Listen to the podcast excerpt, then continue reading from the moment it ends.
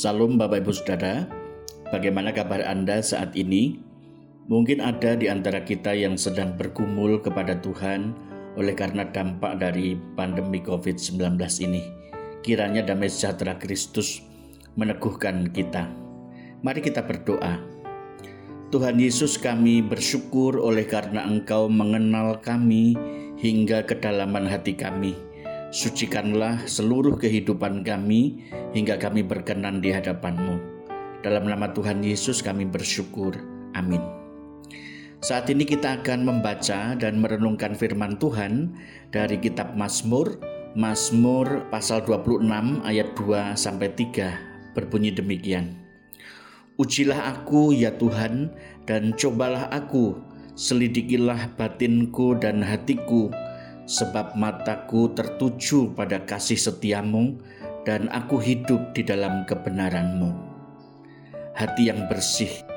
Dosa adalah penghambat doa kita, seperti yang dikatakan Nabi Yesaya, Yesaya 59 ayat 1 dan 2, sesungguhnya tangan Tuhan tidak kurang panjang untuk menyelamatkan dan pendengarannya tidak kurang tajam untuk mendengar tetapi yang merupakan pemisah antara kamu dan Allahmu ialah segala kejahatanmu dan yang membuat dia menyembunyikan diri terhadap kamu sehingga ia tidak mendengar ialah segala dosamu.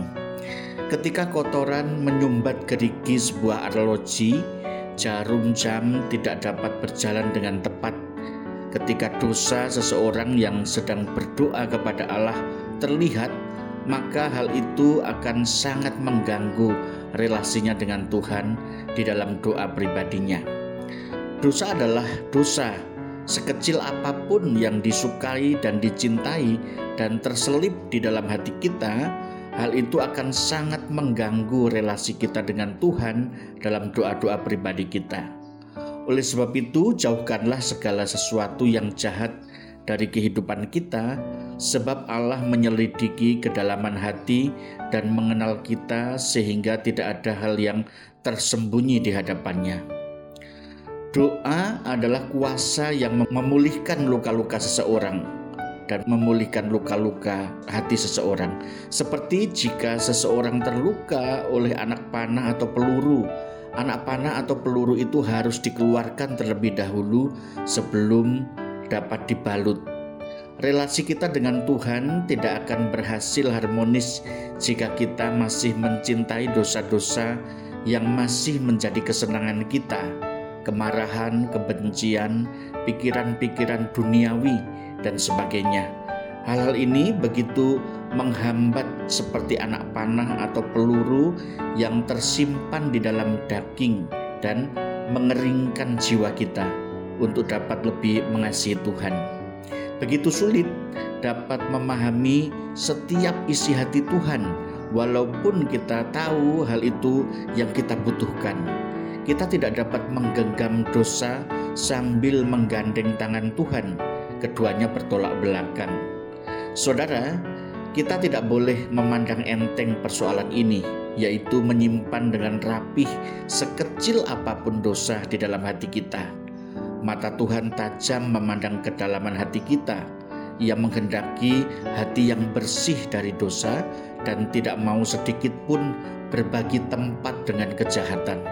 Oleh karena itu, sebelum kita datang dalam doa-doa pribadi kita, maka kita perlu mengoreksi hati kita. Apakah masih terselip dosa dan kejahatan yang begitu rupa tersembunyi di sana? Selesaikanlah lebih dahulu kepada orang yang bersangkutan, dan jika itu bergantung kepada kita, maka lepaskanlah pengampunan dan bebaskanlah hati kita oleh karenanya. Sebab Allah menghendaki hati kita yang bersih, murni, dan hanya mengasihi Tuhan sepenuhnya, tidak berbagi dengan kesenangan duniawi. Pemikiran duniawi juga wajib kita singkirkan dari hati kita ketika permohonan kita dicemari oleh keinginan duniawi, maka doa-doa kita kehilangan keindahannya. Tetapkanlah hati kita sebelum berdoa dan amatilah dengan teliti.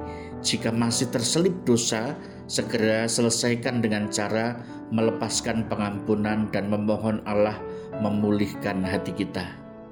Mari kita berdoa. Tuhan bantulah kami untuk selalu mengawasi hati kami supaya tidak ada dosa yang tersembunyi di sana. Sebab kami lebih menginginkan Engkau memerintah hati kami sebagai raja supaya kami hidup. Dalam nama Tuhan Yesus kami memohon. Amin